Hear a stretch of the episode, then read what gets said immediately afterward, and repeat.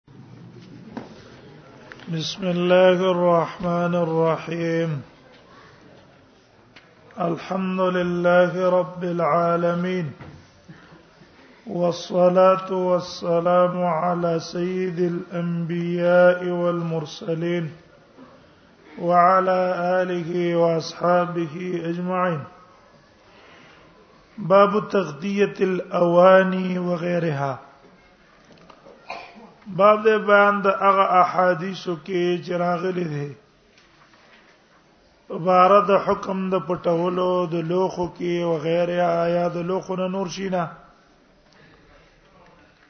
لوخه دستا یا تشته یا پکې ترکاری پرته دا یا پکې وب پرته دي نو دا هم دقه سي کلاو مپردا په سر او تاس سکیدا د سر نه یو لرګې په د پاسه کې ده د د پاره چې وبا ګرځي چرته دا وبا په دې اوبو کې پرې نه وځي او هغه ته به استعمال نه کی او سبب ستاسو نقصان اونې ګرځي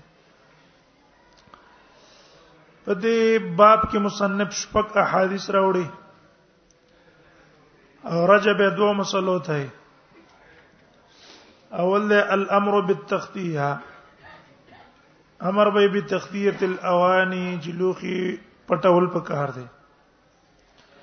او دویم به النهي عن ترك النار عند المنام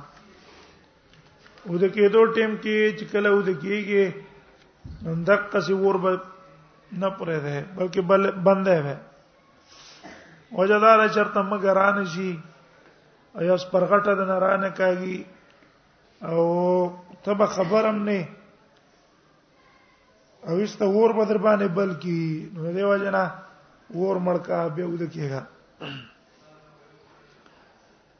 دیو جنا ګیس چې سړی د شپې پری دی خبر نه مړ شي کنه دا غي د وجه نګیس لاړ شي ته پته نه لګيږي هغه نقصان ته پیدا شي الفصل الاول عن جابر جابر نے روایت ته قال قال رسول الله صلی الله علیه وسلم نبی صلی الله علیه وسلم فرمای اذا كان جنح الليل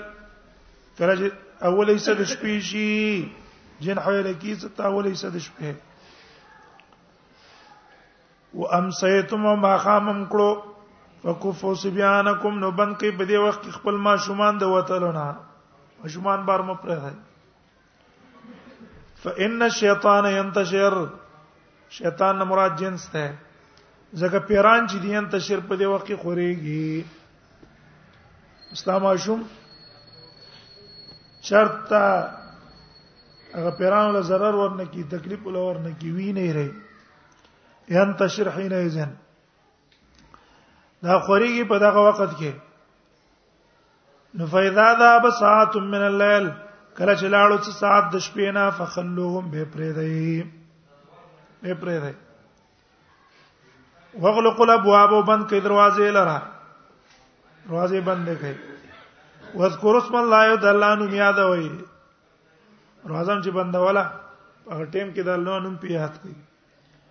فإن الشیطان لا يفتح بابا مغلقا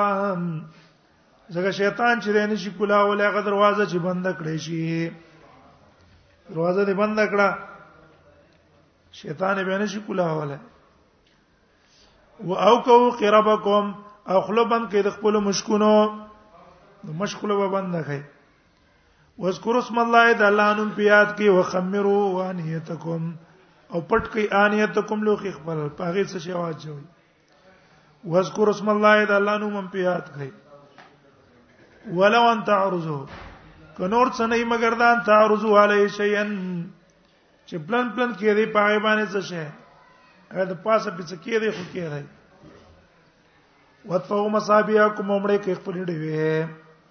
دیو مړه کړه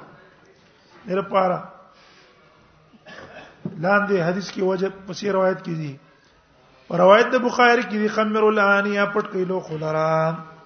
لوخي پټ کې واذكر اسم و او کول اسقیا خلی بند کې د مشکونو وجیف الابواب او بند کې دروازه وقفتو سبيانکم او بند کوي بند کوي خپل ماشومان د وتلو نه ځان څه یو ځای کوي عند المصاب وخت ما خام کې فإن للجن انتشار ذکر پیرانو د پارا په دی وقې خوري دي وخطفت او تخته او وطفئ المصابيح عمره کې دی ولرا عند الرقات په وختو د کېدو کې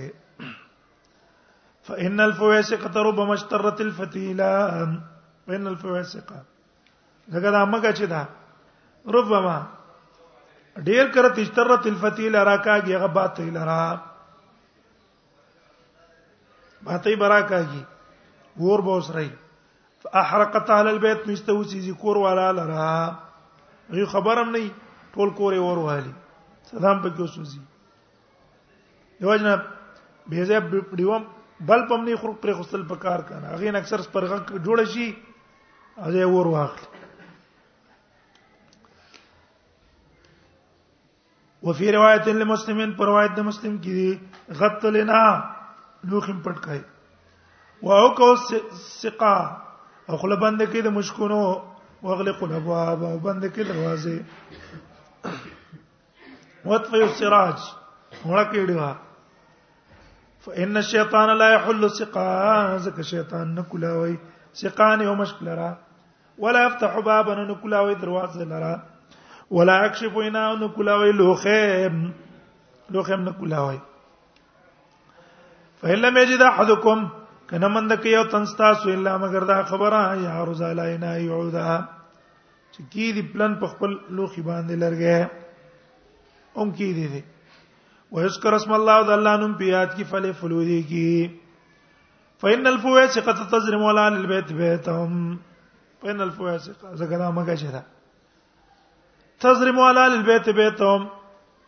بلې په کورونو والا باندې دا ور بلې دغه په کورونو باندې دغه کور الله البيت کور والا باندې دغه کور بل روایت کې لا ترسلوا فواشيكم فواشيكم ملګری په دې کې منتشر مالونه خپل او زیبیانکم مړه کړي بزي دام ملګي وسبيان کوما شومان ملګي اذا غابت الشمس چې نور کړه ډوب شي حتا تذهب تر دې چې لاړ شي فحمت العشاء غول عیسی د ماقام وان شیطان یباس ځکه شیطان چې په سات کوي زاغابت شمسو یباس لګل کوي د پاره د پسات کسان لګي د پاره د پسات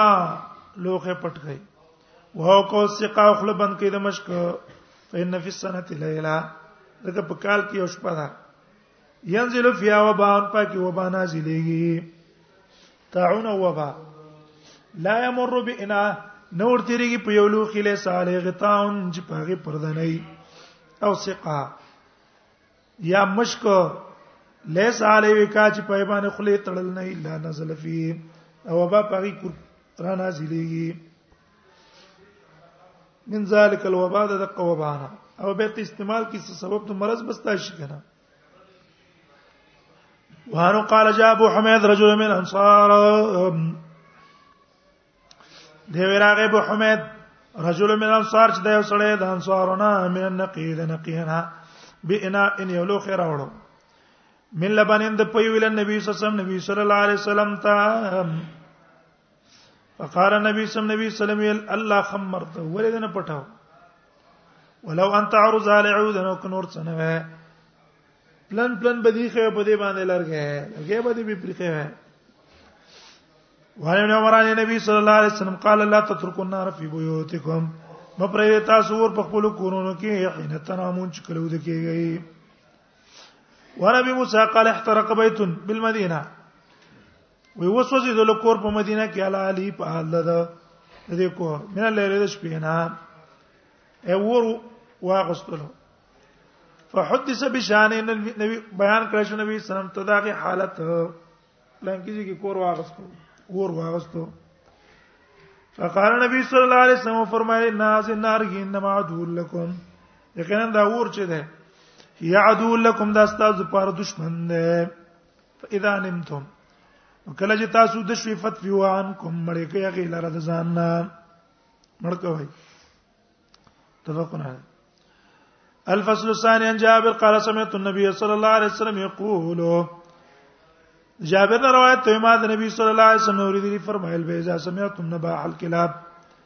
کله چې تاسو واور د غپا د سپی ونه قل حمیر اوازونه د خرو من الليل د شپې فتعوذوا بالله من الشیطان الرجیم پنای غواړي په الله تعالی باندې شیطان رټلې شي نه اعوذ بالله وایي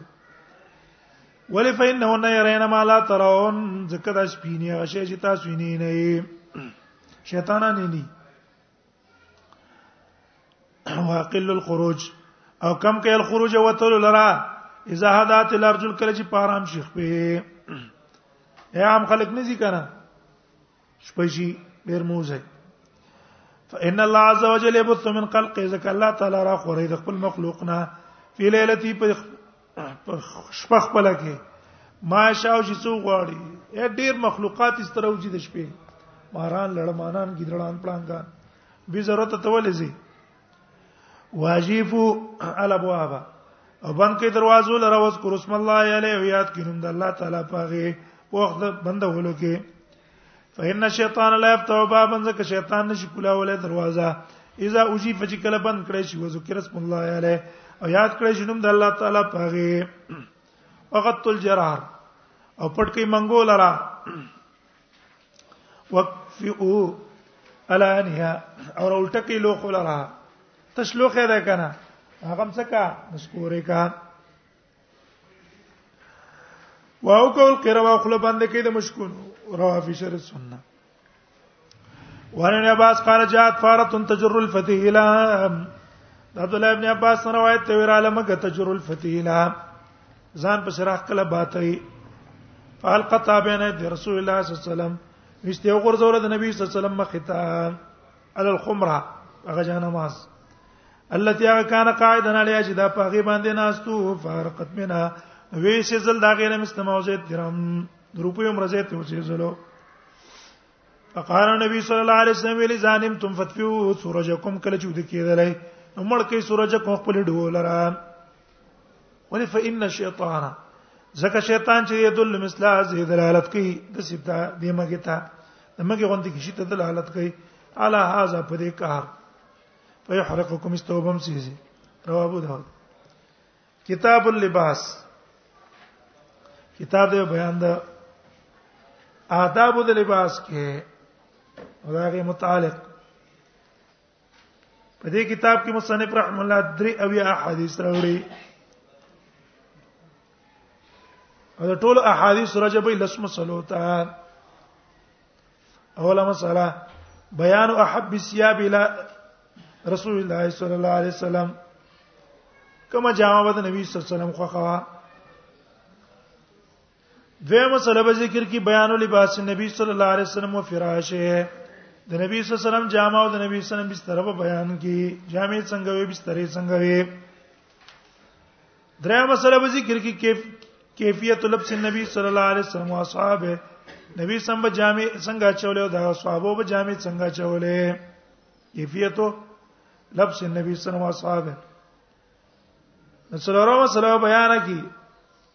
بیان اللبسه الممنوعه هغه قسم لباسونه به ذکر کی چې د شریعت کې من راغله چې باندې استعمال وای پنځم به ذکر کی بیان اللباس والفراش الممنوعان للرجال والنساء هغه قسم بستر او جامې چې د سړو د زنانو دوانو لپاره نه راوي کم قسم جامې او کوم قسم بستر ده چې د دوه لپاره ناروا ده او ذکر کی شپږم مسله به ذکر کی الرخصه فيما عند العذر چې خیر دا ممنوع جامع وقت عذر کې استعمال ولې شي و مساله ينبغي البدايه باليمين عند اللبس جامع چا چې په کار دار چې خلاص توخیق په مخکې نه باس اته مساله بیان الدعاء بعد بعد بعد لبس الثياب الجديده نوې جامې دی واچولې نوې جامو چول نرستو کومه دعا پکار ده او ذکر کی دا مسله به ذکر کی فضیلت التواضع فی الثياب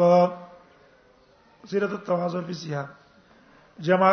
جامو کې تواضع بهتر شی ده تواضع کوا بل به ذکر کې ترغیب اظهار النعمه الله تعالی باندې احسان کړی دا اظهار پزانو کا کنه خلی باسو ہے ہے ځان له جوړ کا کتاب اللباس کتاب د بیان د احکام د جامو کې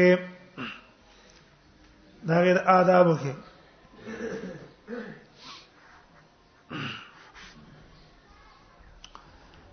الفصل ورانس قال كان حب الثياب الى النبي صلى الله عليه وسلم ومحبوب جامع نبی صلی الله علیه وسلم ته الحبارا دا حبارو ور یو حبارا څه ته ویل کیږي حبارا دا جامع بوي د یمن نه برات له او په هغه کې با سری سری کرخه وي کله بشنه کرخه وي او دا اوچت جامع وي دي پنيز او دا هغه نه بجوړې ده له مالوش نه بجوړې ده نو دیو جن رسول الله صلی الله علیه وسلم خوخه وي یا دا وجه چې دا شنه وشنه وای دا جنتیانو لباس پم شینی نو زکه دا خوخه وي په دې ته حبره زکه وای د تحبیر نه ماخوذ دی تحبیر تزیین ته وای تزیین مدام خې جامې وي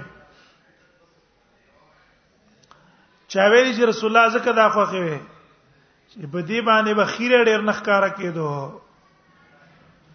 هغه جامې وي خیره په کار کېدو ډیر نه زکه بد رسول الله صلی الله علیه وسلم خو یو تاسو جامې واچولې چې ډیر زر خیره نشي نه به زر بدله او جنات چې رنگي چې درې ورځې څلور ورځې پنځه ورځې شپږ ورځې دی چې ولي او هیڅ دا خیره پکې پته نه لګيږي نو دا کپڑے په سړی بوج نه راولي کنه تکلف پدې کې نه وي او زکه دا جامې د نبی صلی الله علیه وسلم خوخه وي ان يلبسها انس نے روایت ہے رضی اللہ عنہ انا قال دا وکانا حب الثياب الى النبي صلى الله عليه وسلم وی محبوب په جامو کې نبی صلی الله علیه وسلم ته ان يلبسها چې وای چې غلرا الحبره حبره جامې وي وان المغيره ابن شعبه د مغيره ابن شعبه نه روایت دی ان نبی صلی الله علیه وسلم لبس جبه روميه او نبی صلی الله علیه وسلم واچو جبه کوټ روميه چې بروم کې جوړ شوی و زي قتل کوم مینه تنگ نستونی داغه دنه معلوم شو دا مثلا چې د کافرانو په علاقه کې جامع جوړې شي وي خو چون کې دغه لباس د شرع نه خلاف نه دی هغه غسل من تاسو له جایز دی او کنستونی تنګي هم دغه استعمال من تاسو له جایز ده او په شرط دی چې په خپل جامع تنګي نه ولی چې خپل جامع تنګي وي بیا خو پکې عورت کار کیږي کنه کنستونی تنګو خیره خبره نشته نبی سم کوټه چولا ده وعن ابي برده قال اخرجت لنا عائشه كساء ابي برده نه روایت ته دا وايي اخرجت لنا عائشه راويستره موږ ته عائشه رضی الله عنها کسان یو څادر شړای ملبدا چې هغه ګندلې شوی و دلته ملبت معنا څه ده په پای کې نورې کپڑے ګنډل شوی وي ځای وش کیږي هغه ست څور واچي بل پیوند تور واچي دې ته ملبد وای کسان او صادر ملبدن چې هغه ته پیوندونه لګي دیلو و ازارن او لنګو غلیزن زیګو دې راويستله فقالت نو ویل قبض رسول الله صلی الله علیه وسلم فی هذین وی نبی صلی الله علیه وسلم پات شوی د پدې جامو کې وی سم چې وفات کېدو کنه اندا صدر چولیو اګندونو والا او دې لاندې پرتګو راځيګا ګوره د نبی صلی الله علیه وسلم جون څونه هغه ژوندو تواضع د عاجزۍ ژوندو وانا عائشه رضی الله عنها د عائشه رضی الله عنها روایت ته قال دا وی کان فراش رسول الله صلی الله علیه وسلم وی وا بستر د نبی صلی الله علیه وسلم الذي ينام عليه هغه بستر چې نبی صلی الله علیه وسلم په پیو د کېدلو آدم سرمنوا سرمنه جوړو حشوها حشوه او منځنی مالوچ داغه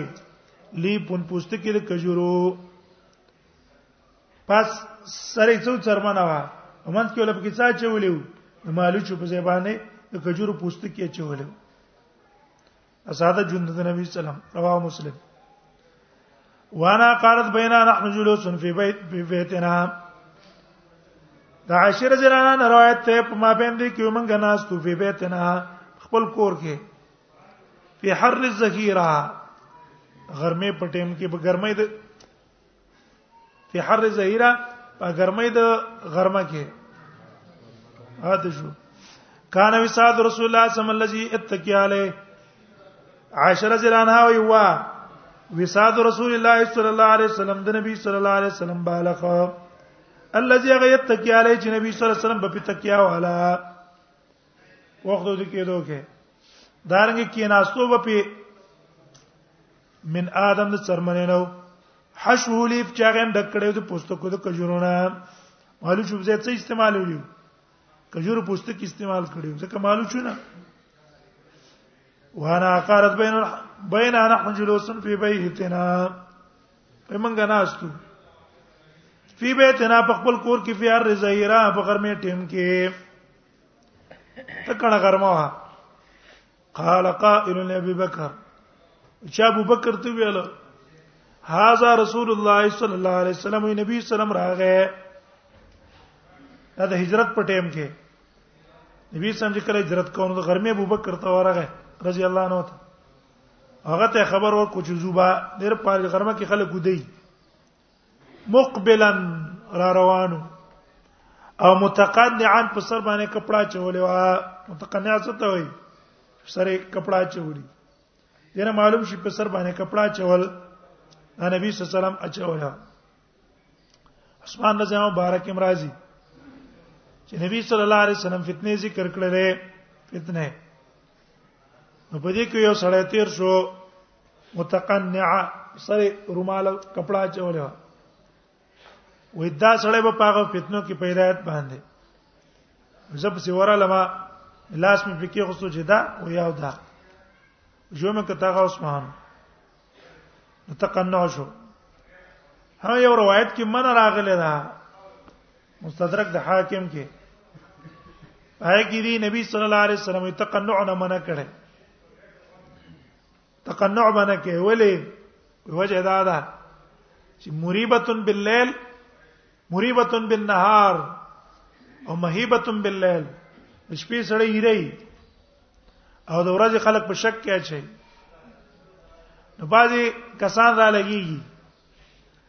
د قادیس پسې ګرځي نو په دې سر چې څوک روماله چي نو دې پورې دا کوي چې ګوره دا په سر باندې رومال نه چول دا ممنوع دي او دا بند دي نه دا حدیث دغه معنا نه ده هغه حدیث تقنع دی ته وایي چې هغه ته لاندې مخ پټ کړی صرف سترګې د کاری انور د ځان پټ کړه ده نو دا د ورځې سره په شک کې چې د څه څوک تیراغه خلک په شک کې کیږي لکه دا څوک دی او د شپې چر باندې څوک راغی تا په یره کې چي یو دارې په سر د رومال واچو نو په دا ترتیب په نبی سلام کړه ده صورتونه جدا جدا دي نو په دې سره چول جهیز شو او چې لاندې نه بوزي او توي بوزي چوته وي هغه بوزي وال من شو ځکه هغه د ورځې سړی په شک کې چې د شپې سړی یې رہی ابانا کې وان جابر ان رسول الله سم قال جابر نے روایت تے رسول اللہ صلی اللہ علیہ وسلم فرمائے قال وی نبی صلی اللہ علیہ وسلم فرمائے لو جابر تھا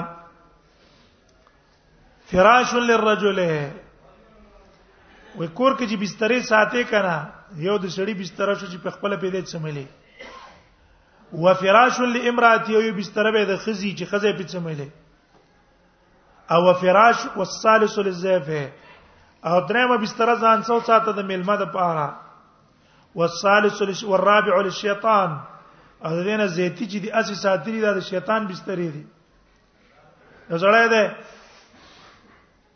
غرض د حدیث دا ده چې په کور کې د ضرورت مطابق بسترې ساته به ضرورت بسترې ما ساته مثلا ستا په کور کې ستا دې بچو دی هغه یو بستر او ساته یو پنځه شپږ زیات نه زیات ملمانه په تارا شي لس دا غي نه زیات ته ملمانو ته وګوره چې تا که ډیر ملمانه راځي پنځلس هیڅ ضرورت نشته چې زه ته وساتې خو کې گاونډي دی بل نه بسړی را لیکنه بس دونه ضرورت وساته دونه کټونه ساس کا د دې نه زیتی تاسو زینه په ډکړې دی او کټونه دي ساتلې دی او بسترې دي جمع کړې او پندونه دي درولې ال شیطان دی ا پیسې پاګه سم بندوا ا پیسې په نورو ځینو کې ولګوا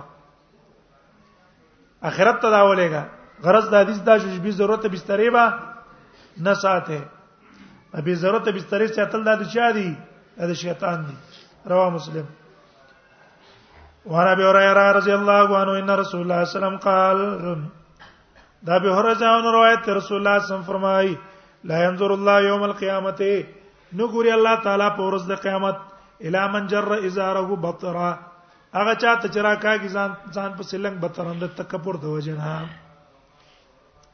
جر الازار څه ته وایي علماء یو پنسیخ کته کول دی پړکونه د سړی د پاره جر الازار دی پټکې دی پټکې پټکی شمله با درنی ملا ملا پورې جایز ده چې دنی ملا نه د کته کړه د جر الازار ده زره جر ول اظهار دی بعضی کسان غاټ شملې پریخي کړه بلانه کا تکړی کو ناټو دي تر رسیدي دا جر ول اظهار دی کمیس دی به ضرورت غټ کو غاټ دلان دی بوتلو دا جر ول اظهار دی جر ول اظهار باندې کې چا چې وې دا وکړو د تکبر خو یلا د تکبر د وجنه پیدا تکبر قید احترازی ده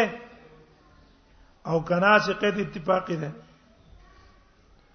نو سیدا ده چې دا قید اتفاقی ده دا دې څوک نه وایي چې هغه پنسي راکاږي لاندې په پړکو باندې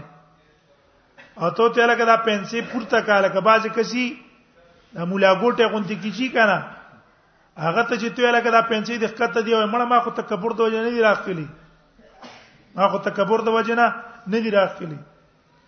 نه دا پنځه خکته کول خپل تکبر ده کته کې کبر نه دی سړی په خبره باندې خپه کړي او چې ته خپه شو په خبره د علامه د استاد کبر ته به دې سړی ته ویل چې الله تعالی جزای خیر درکړي زما فکر نه و زما فکر نه الله تعالی اجر درکې زر زر را پورته کړ ته جزاک الله خیر الجزاء ولی غوسه کیږي دا غوسه کې دل دی او دا جواب ته دلالت کوي ستا په کبر او په تکبر باندې دیو جن په انسخ کا تکول خپل کبر دی که ستا پړه کې کبري او کنه دا قید احترازی نه ده قید احترازی نه دا قید واقعي ده اتفاقی ده دیو جن دی بتر ته څو ګوري هغه وی جنا کې چا د تکبر د وجنه کته نه کړې خیر نه د کې خیر نشته صرف هغه ابو بکر صدیق چې نبی صلی الله علیه وسلم ته جهاد الله نبی زما دې چې بډه نه ټینګي هر وخت راکته راتاو ما بیا ملاړ شي نبی صلی الله علیه وسلم ته معذوري اوس د قصې یو سړی دی هغه دې چې بڑا نه کته ټینګيږي پنسیار اخرا پورته کې به ته کته لاړ شي به پورته کې به ته لاړ شي دې په لانه رانی شي لکه دې وسه کوي دې دا غي خپل وسه کوي خپل ته ټینګيږي نه ټینګيږي نه او داغه د پاره خې علاج پیدا دی چې غټ پرتوک دی نه کې غټ پنسو والا کنه اوس دونه دې کوي چې البته بڑا ټینګيږي او هغه چې پوری پنسیار رسیږي نو لم ينظر الله لا ينظر الله يوم القيامه نګوري نه بګوري په نظر د رحمت الله تعالی په ورځ د قیامت اله منجر رزاره هغه چاته چې راکاږي خپل لنګ بطرن د کبر د وجنه متفقون علیه وان ابن عمر ان النبي صلى الله عليه وسلم قال من جر جر ثوبه خيالا چا چراغ کړه جام خپل تکبر د وجنه لم ينظر الله لم ينظر الله او بنګوري الله تعالی د ته یوم القیامت پرز د قیامت وانه ام دنا روایت ته قال قال رسول الله صلی الله علیه وسلم نبی صلی الله علیه وسلم فرمای بینما رجل وی ما بین دې کې وسړیو یجر اظهاره راخ کولې لنګ خپل من الخلای د تکبر د وجنا کبر د وجنا لنګ څه کاو ځان په سراغ کړو نو خسف به است الله پس مکه باندې دن نبوت له تور سخت سزا یې ولور کړه په څه باندې نور عمل پکې نه و دا پنځه د کبر د وجه راخلې است په دې کبر په وجه الله څه کړو زمکه بوتلو نو کدا معمولی ګناه وی الله په داس پزمکه نه بوتلل غټ جرم دی کنه ځکه پزمکه بوتلو فهو يتجلجل دا اوس هم حرکت کوي په لار د پزماکه کې الی یوم القیامت ورځ د قیامت پورې یا خدا ما قارون ده اوس هم پکې روان دی ژوند نه دی په دې پزماکه کې او یا دا بل یو سړی ده د قارون نه په غیر بل یو تن ده الله په دې پزماکه باندې بوتلې دی عمل د وجره ولې کبر کوي او موږ تاسو به څه کبر وکړو زمنګ تاسو کبر به ځي چې موږ کبر وکړو د خپل ځای نه د دې ځنه هغه دي پورې موږ تاسو اختیار نشته چې په خپل اختیار باندې دې ځنه پاتې ګو التا اختیار هم شته نه کله غواړي په د قضیه باندې کېنه فما استطاعوا مزيا ولا الى عليهم ولو نشاء لمسخناهم على مكانتهم دا غزه باندې به زمسخه کوم نه مخ کتلی شي مباشرت کتلی شي اس موږ دون اختیار نشته چې د زیانه پاتې وو کبر موږ څه چې موږ دې کبر وکړو یا لوی دی وکړو یا یو سړی را لګي په خپل علم فخر کوي ما سه علم نه اوس په دا علم د الله دماغ د سیږي په ځای بناسته او لږ دا رک بدل الټه کی چې الټه کې ارڅ بدن یې کی وطنی یاد معمر څونه غټ محدث اخر ته بیا دونه بیماری پراله چې قوت الحمدلله ته نه یادې دله مانځه ته بچو درې دو بل چا بو ته خو دا غم ته به یې رسو دا اخر کې بیا قوت حافظه کې ورانه راغی کنه یا دا محدثینو کې چې مونږ وایو چې اخر کې قوت حافظه خراب شوی و او بس د دې وجنه چا چې رست روایتونه د کړي دغه صحیح نه دي ولې سړی په کبر کوي یا یو سړی په مال ولې کبر کوي چې ما سګینه غټه پیسې دی مال دی په یو سات کې په سکندونو کې بدن الله ولي سګندونه کې الله دې سړی نه کړی او هم نه کته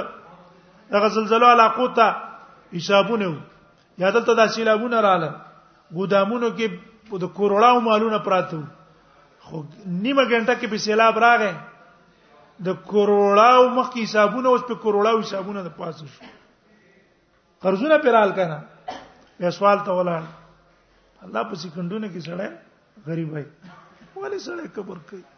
جره خو یلاو ته وجنه من تاسو له ار وخیره په کار ار وخیره ډیره خوشحالي در باندې رااله مسته کې مرزه سم دواره داو کچ الله پاک زما د خوشحالي په غم بدلول شي بس دا احساس چې دی وکړو غرور باندې کې کبر باندې کې بس شکر بد الله کې چې لك الحمد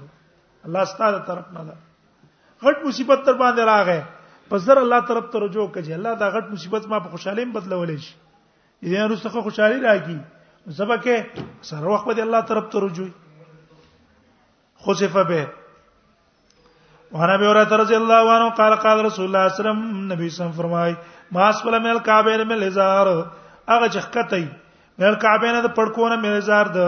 لنګنا فنار دا په جهنم کې کم پنځه چې ښکته وي دا بچرته زی زړه والله جهنم ته بوزي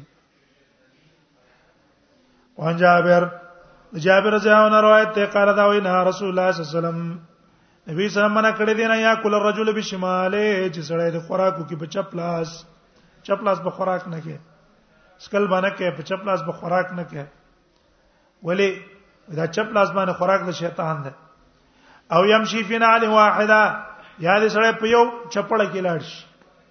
و چپړه دې چولې دا یو خپې بلخ په په دې کې باندې زی وجه دا دا چې دا د وقار نه خلاف ده وقار سړی خلکو ته شودخ کاری قمقل کاری او دیو جن شریعت مونږ ته وایي چې د اکرام به د خپل د خپل ځان کې اکرمو انفسکم انفسکم وي د خپل اکرام خپل اوکا ته سکار مکه وا چې هغه د سپکاوي کاری چې تا د سپکاوي کار کو په خپل ځان سپکو کنه د څه کار دی وکړو چې پاره سړی بدی ښکاری دا ته په خپل ځان سپک کو او چې نه د سپکاوي کار نه ځان ساتلو او د عزت کارونه دی کول خپل بد خلکو په ذهن کې د خلکو په نظر کې به عزتمن راځي ځان عزت په خپل کې وایشتمل السما او د دې نه منع کړی دا یشتمل السما چې سره ځان ګر چاپیر کپړه تاو کی استعمال السما دې ته ګر چاپیر د کپړه ځان نه تاو کړه او دا لاسونه هم دې پکې بند کړه نو دا نقصان ده کنه ولې که پتا باندې څه شي راشي منه کولای به نشي ګلاس دې بند کړه کله سړی دین تینده کوخري دې تیندک د وجه د لاسونو له حرکت چې ورکی سړی کې کنټرول لازم یا پیوزی ور روانه په لاس بزان بچ کینو چې لاس ته بند کړی دلته غورځېږي خپل به سر لګي دینه من راغله چې بالکل کپړه ځان نتاو کې او لاسونه پکې بند کې او دا څادر چې ځان نتاو کې نو په دې کې خلاص نه پورا بند کړه ځکه څادر دې کوم چې نتاو کړه وګې نه دې تاو کړه دلته د لاسونه سړي کلاو دي نشته مې لسما د احتمال سمانه منع کړي او يحتبي في سبب واحد یا احتباو کې سړی په یو جامه کې عربو عادت دا اغيوبا تکیا چواله کپڑا به راوغسته د املا ته به واچوله او بیا به دا کپڑا راوستله په دې چې پور به غټه کړه دا په شوله کې ډډ او تکیا ډډه تکیا بشو نو نبی صلی الله علیه وسلم چې ګور استا لنګ نه او یو کپړه کې دا کو خلان دي کوناټي عورت به ښکاری کنه نو دین نبی صلی الله علیه وسلم منع کړه ها که جامې دې نورې وي او دلته دې کپړه ځان نتا وکړه احتباد وکړه څه خبره نشته دا عورت تاسو پټ ده خو په یو کپړه کې یو کپړه دی واده دی احتمال منع کړی دا کاشفن ان فرجی چې کار کوون کې خپل عورت لاره رواه مسلم وعن عمر وعن اسوب وابن الزبير وابي امام عن النبي صلى الله عليه وسلم دې ټول صحابانو دا روایت نقل لري قال وی نبی صلی الله علیه وسلم فرمایي من لبس الحرير فی الدنيا چا چې وا چلورې خم په دنیا کې لم یلبس فی الاخره وا به نه چې په آخرت کې لم یلبس فی الاخره څه معنا ده ورځ هین ته سوال دا راځي چې احادیثو کې کله راځي وي و چا دنیا کې شراب اسکل آخرت کې والله شراب بل ورنه کی ورېخم دې په دنیا کې واچول په آخرت کې به تورېخم نه چول کیږي حال دا ده چې قران کې هم غوايي جنت ته سړی لاړ شي هغه ته ویل کی لکم فی ما تشتهی انفسکم ولکم فی ما تدعون جنت کې چې تڅو غواړي ابا تا ته ملاويږي څه شي چې تا خوخي دې څه معنا ده د دې علماو به معنی دا کوي چې من لبس الحرير یو معنا دا ده دنیا کې دی ورېخم اچول خو په دینه ته چې دا چا حرام کړی دي حلال شه ده نو حلال ته دی حرام ته چې سړی حلال وي په کافر کیږي کنه شراب حرام دی او سړی شراب ته حلال وي کافر شو نو کا کوپر په حالت باندې چې مړ شو نه خو جنت ته نه ځي او که حلال دی او ته نه ویل حرام دی او ته ویل خو ځان ګناګار غني نو لم یلبس معنا بیا دا ده چې ټیک ته په جنت کې به د اشتهایی چې څو غواړي خو الله به د شوق نه پیدا کوي چاته د د شوق به الله شراب ته نه پیدا کوي د د شوق به الله ورخم ته نه پیدا کوي هیڅ توجه به غیر طرف ته نه راځي مثلا دی وخت کې یخي وبدي دا پوری کې څونه مزیداری مزیداری وبې کنه پوری کې سړی اسکی اوس تاسو موږ شوق شته اوس که چا د واوري وبراوړې مزیداری خپه کې شربت هم پکې پروت مونږه اوس کو سره اس کو نه ځکه اشتیا وته نشته خو مزیدار شه ده بوړي کې په سر ماته او زمو ته اشتیا نشته په آخرت کې هم الله د سره پیدا کوي اشتها به نه پیدا کوي شراب طرف ته به توجه نه راځي اشتها به نه پیدا کیږي دغه معنا شو ورې خمو طرف ته به شوق او اشتیا نه راځي لم يلبسوا في الاخره دیو جنوي دنیا کې چې دي د خپل نظر حفاظت وکړو پردو خوځو ته نه قتل آخرت کې به الله تعالی د حرو اغلزت او خوند به تعالی درکړي دغه دنیا کې چې کوم عمل کړی دی دغه اثر به تل راځي لم يلبسوا في الاخره وعن حذيفه قال نهانا وعن ابن عمر قال قال رسول الله صلى الله عليه وسلم انما يلبس الحرير في الدنيا عبد الله ابن عمر نه روایت دی رسول الله صلی الله علیه وسلم فرمایي یقینا چې وری خم په دنیا کې من هغه څوک لا خلق له فی الاخره چې نه دا غد پارس برخه په آخرت کې ا دنیا کې ورخم څوک چي کافر خلک چې چې آخرت یې سکه نشته ده بس دنیا دا غیو ده مؤمن سره خدا جینا نه کوي اے من ستاسو لپاره ګوره دنیا نه ده چې دنیا مزه دی واخلو دنیا لذت دی واخلو دا زمنګ نه ده زمنګ تاسو منزل مقصود رسول را روان دي وعن حذيفه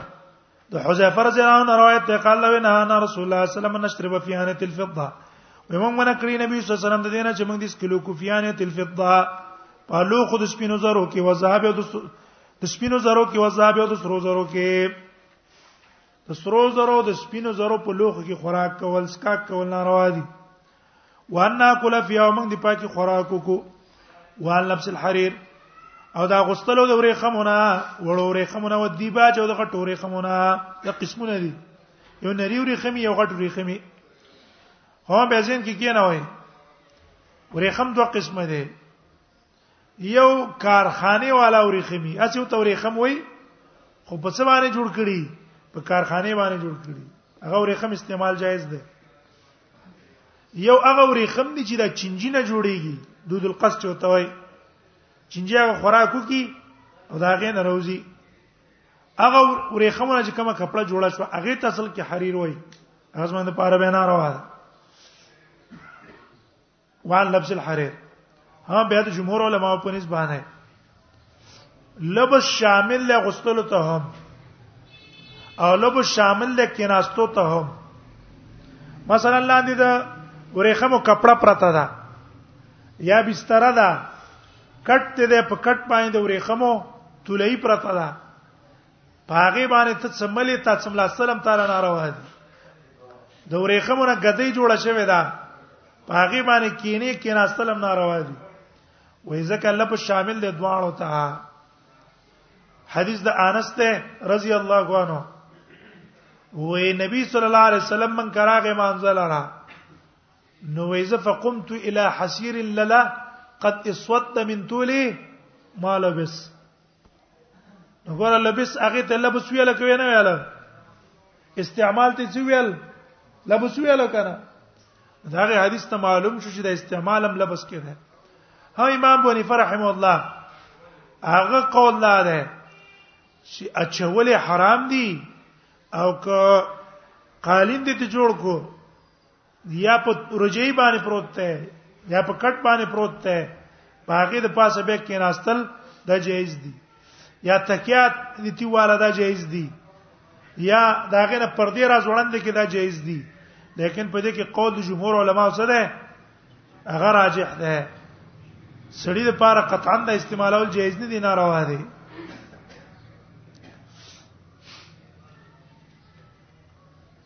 وان نجلس علیهم پکینو ګوره سپاره لکرانه لا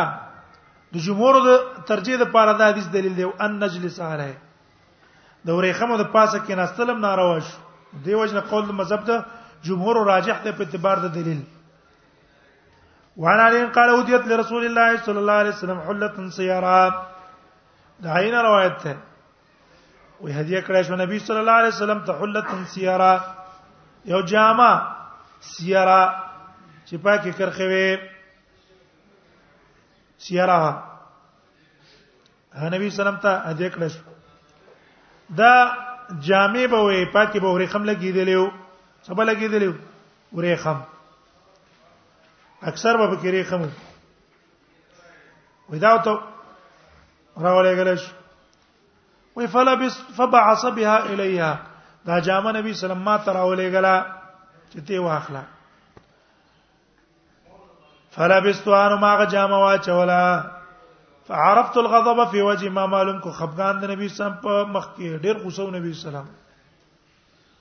وجدا دا چې کله په جامو کې نیم یا د نیمه نه زیات پرې خم استعمال شوی هغه استعمال نه روا ده او که چرته لګ پرې خم استعمال شوی لګ د نمونې لپاره چې لکوند کې تا دلته ورېخم لګولې د لپاره چې هغه ته نظر ساتي او تا ته سره یادېږي آخرت لباس او جامع تر یادېږي کنه هغه آخرت کې به دا جامع او بس راشه عمل لزور ورکا طاعت لزور ورکا د عمل او طاعت زور د پاره تا ځان ته استعمال کړي هغه به خیر ده حدیثو کې استثناء راغلی او چون کې دي کې اکثر څو رقم په کې زید فعربت الغضب ما معلوم کو غصه د نبی سم په مخ کې فقال ما تی ویل انی لم ابعث بها الیک معنا دا درلېګلې تا ته لتلبس ساجتی واچې او ما ته نه درلېګلې چې دی واچو انما بعثت بها الیک ما خو در لګل دا تا تر تشق خمرم بین النساء دیر پارج دا اوس کې زړو کې په ما بین زنانو کې هغه ما تعالی دې د پار درو لګا دا په زړو کې کا یو به یو خزل اور کې بل بل هدا نه معلوم شو چې زنانه د پاره دا کپڑا چې پاکي ورې خم استعمال شي هغه استعمال ولا جایز شو شړې پاره څه ده ناروا دي لکه سره زر سړو د پاره ناروا دي خزل زدي جائز دي هغه څورې خمم شو هو انا عمر ان نبی صلی الله علیه وسلم لا لبس الحرير د عمر نه روایت دی رسول الله صلی الله علیه وسلم نه کړی د لبس الحرير دا غسل او ریخمونه الا هكذا مگر دونه په مقدار ورفع رسول الله صلی الله علیه وسلم اسباب نبی صلی الله علیه وسلم دا منځنه غوتا ادا سبابه کو ته پر تکړه وزمغما دوان یو ځای کړي ادونه په مقدار دلته اولګه عجب سه اولګه یا بل ځکه اولګه خیره وزمغما متفق نه وفي روایت لمسلم پر روایت د مسلم کې نو خطب بالجابیه د عمر بن خطاب په جابیه علاقه کې چې شام کې زیاده الته خطبه ویله فقال نبی الله رسول الله صلی الله علیه وسلم الحرير نبی صلی الله علیه وسلم کړه دا غسل ورې خمونه الا موجز باید ور دوه غوتو زه او ثلاث یاد درې غوتو اور با یاد څلور غوتو په مقدار خیر وان اسماء بنت ابي بکر ان اخرجت جبه طيال صاحب اسماء بنت ابي بکر نه روایت ده ان اخرجت جبه چې دی راويستره جبه تنه کوټه طيال صاحب چې تلسانو او کسرا وانیا د کسرا علاقې نه راغلو جبا او تلسان دا عجمو هغه وې دا کپڑے اکثر دا رنگ نه توري او طرفونه کې څه لګېدلې لاندې طرفونه کې مالوش لګېدلې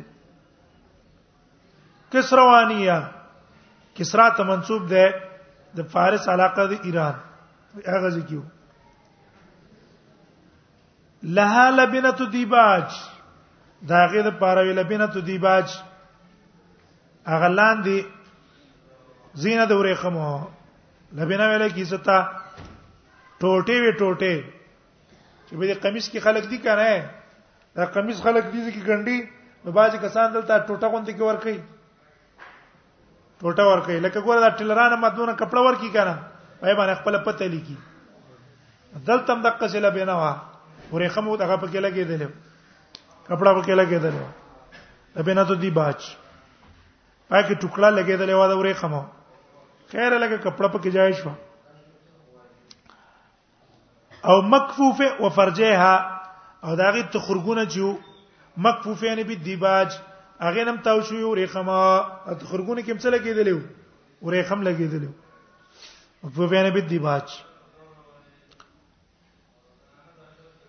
وقالت او عاشره زنان ګویل هذه جبه رسول الله صلی الله علیه وسلم كانت عند عائشه وې دا ګوره د رسول الله صلی الله علیه وسلم کوټو د عائشه سره جناو سره فلما قبضت کړه چې عائشه مړ شو قبضتو ما ځان سره واغستو وکانه نبی صلی الله علیه وسلم او نبی سلام چې ویل بس واه اچولو به فنحن نغسل علی المرضى وځي موږ بیماران د پاره انزو دې ته ویل کیږي شفا به آثار الانبیاء د نبی صلی الله علیه وسلم په آثارو کې الله شفا چولې او برکت چولې دی بندګه رواغست په وبو کې به وینځل او هغه وبو به اس کرے نس تشفی بیا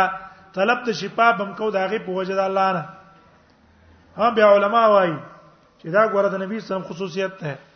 چې د نبی صلی الله علیه وسلم په لاړو کې د نبی صلی الله علیه وسلم په وبو دا اودس کې د نبی صلی الله علیه وسلم په اختو کې د نبی صلی الله علیه وسلم په نوکانو کې یا غ جامع چې رسول الله صلی الله علیه وسلم استعمال کړی دي پای کې الله شفا چولې او برکت چولې دا دغه خصوصیت دی او منګه د دې د سونو د وجې نه منو کني برکت ورکون کې څوک دی الله تبارک الذی خو دې د سونو د وجې نه دا ومنله ها نور قیاس په پینه کو د نور نه کانو چې موږ را اولګ یاله کدا د پلانکی کوډ ده ادا د پلانکی چپړی دی ادا د پلانکی چپلې دی هغه تبرک د پاره وساتونه یا دا د پلانکی قلم ده او تبرک د پاره غو ساتو دا سیادګار د پاره جدا خبره ده ولیکن نور تبرکات پکې نشته سره به تبرکات کی نستشفي بها رواه مسلم وعن انس قال رخص رسول الله صلى الله عليه وسلم للزبير وعبد الرحمن بن عوف انس روایت دی رسول الله صلی الله علیه وسلم اجازه ورکړو زبیر ته عبد الرحمن بن عوف ته فیلپس الحریری په غوستلو دورې خمو کې حکتم بهما د وجد خارق نه چې پاغي باندې او ادوانو څو خارق دینه معلوم شو دا چې ورېخم استعمالو د سړي لپاره نه روا دي مګر په وخت عذر کې چې عذر دوه شي نه دي یو خارخ دی خارخ سړی خارخ لګیدلې نو دا اورېخم داګه د پر علاج دی هکې خیر او دیم په جنگ کې اورېخم ته په جنگ کې واچي ځکه خوې دی ډېر پاره چې کوم گزار پتا کیږي څو شي پتا سینه لګيږي او خوازي جایز نور به ضرورت نه راوه بل روایت د مسلم کې دی قال دا وینم شکول قملا دی شکایت نبی صلی الله علیه وسلم ته خود سپګو چې دا الله نبی په من کې سپګی شي ویری فرخص لو ما فی قمص الحرير اجازه ولور کپ قمیصونو دورې خمو کې ور عبد الله ابن عمرو بن العاص عبد الله ابن عمرو بن العاص روایت دی قال را رسول الله صلی الله علیه وسلم معصفرین وی ولید نبی سم په ما باندې جامع معصفرین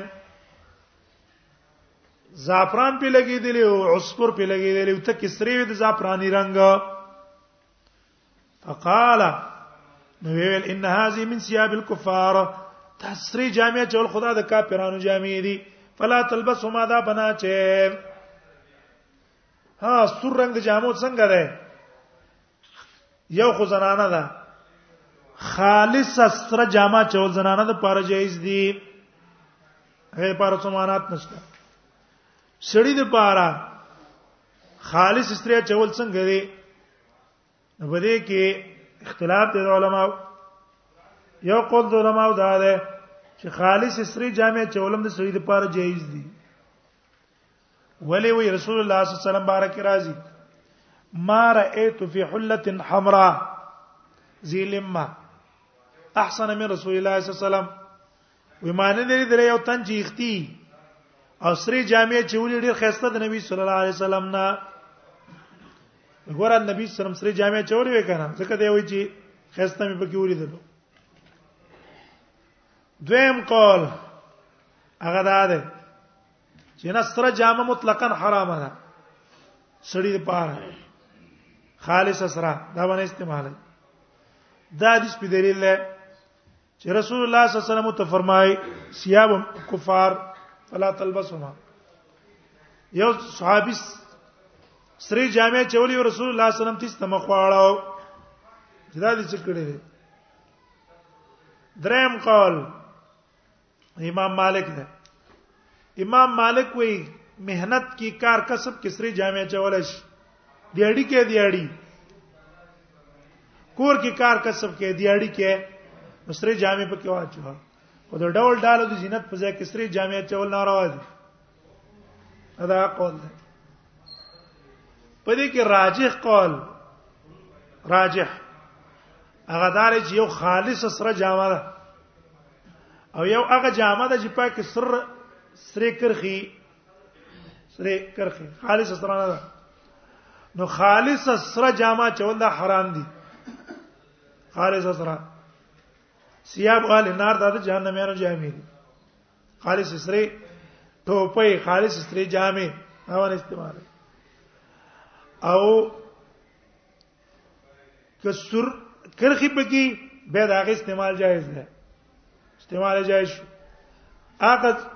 حله حمراء التحله حمراء ابن قیم رحم الله وایي چې حله حمراء سره نه و که خالص سره حله به وته نه ویله ځکه حله څه ته وایي چې نور بل رنگ پکې اوځي شوی کنه اړو ته حله وایي نو خالص سره نه و پای کې بل رنگ مې کښې دغه قول راجح ده چې خالص سره جامع سړی د پاره نه راو او که رنگ پکې ګډو خیر ده او فی روایت بل روایت کې دي قالت قلت ما تلقسلهما هذا الله نبی بینځما قال ويل بل حرق ما وسزا دې ته زجر او يحرق ما کنه کې جامو باندې زعفران لګولې وینځه بس پاک شوي بیا دې مسله د حدیث صدام معلومه شوه چې زعفران لګول غواړي د سړي لپاره حرام دي زعفران نه دي زعفران چې هغه را اولګي سړی په ځان باندې اولګي دا د سړی لپاره حرام دي دا د خزي زینت او ډول او لباس ته سړی به هغه قسم خوشبوئی لګي چې رنگ نه لري بوی لري او زنانه به کومه خوشبوئی لګي چې رنگ لري بوی نه لري زعفران دا د سړی لباس نه دی د خځې لباس دی ها سړی د پاره په دوه صورتونو کې جایز نه دا د سنت معلوم نه یو په د جمعې په ورځ چې نور خوشبوئی د سره نه وي جمعې ورځ ده تا سره نور خوشبوئی نشته کور کې د خځې خوشبوئی پرته ده کم سرخی پودر دی پراته دي نو کته هغه په ځان باندې راخکل او ډولی په کار کېدلې نو خیره په ځان پورې راکاګه غزافران شو او دویم په وخت د واده کې د جمعې په ورځ باندې او حدیث کې استثناء راغلی روایت ته چې ولو من طيب امراتی د جمعې پورس کنوره خوشبوئی نه وي د خزي خوشبوئی ولګوا او د واده کې حدیث د عبدالرحمن تاسو ویله عبدالرحمن ابن عوف واده کړو نبی صلی الله علیه وسلم باندې اثر د زعفران ولیدل نو ته مهمه دا ولې غیر د الله نبی ما واده کړه نبی صلی الله علیه وسلم تل بس الله له کې برکت واچي ولیمو کا اگر کې ګډول نه وي دا حدیث د وجه استثناء راغلی دا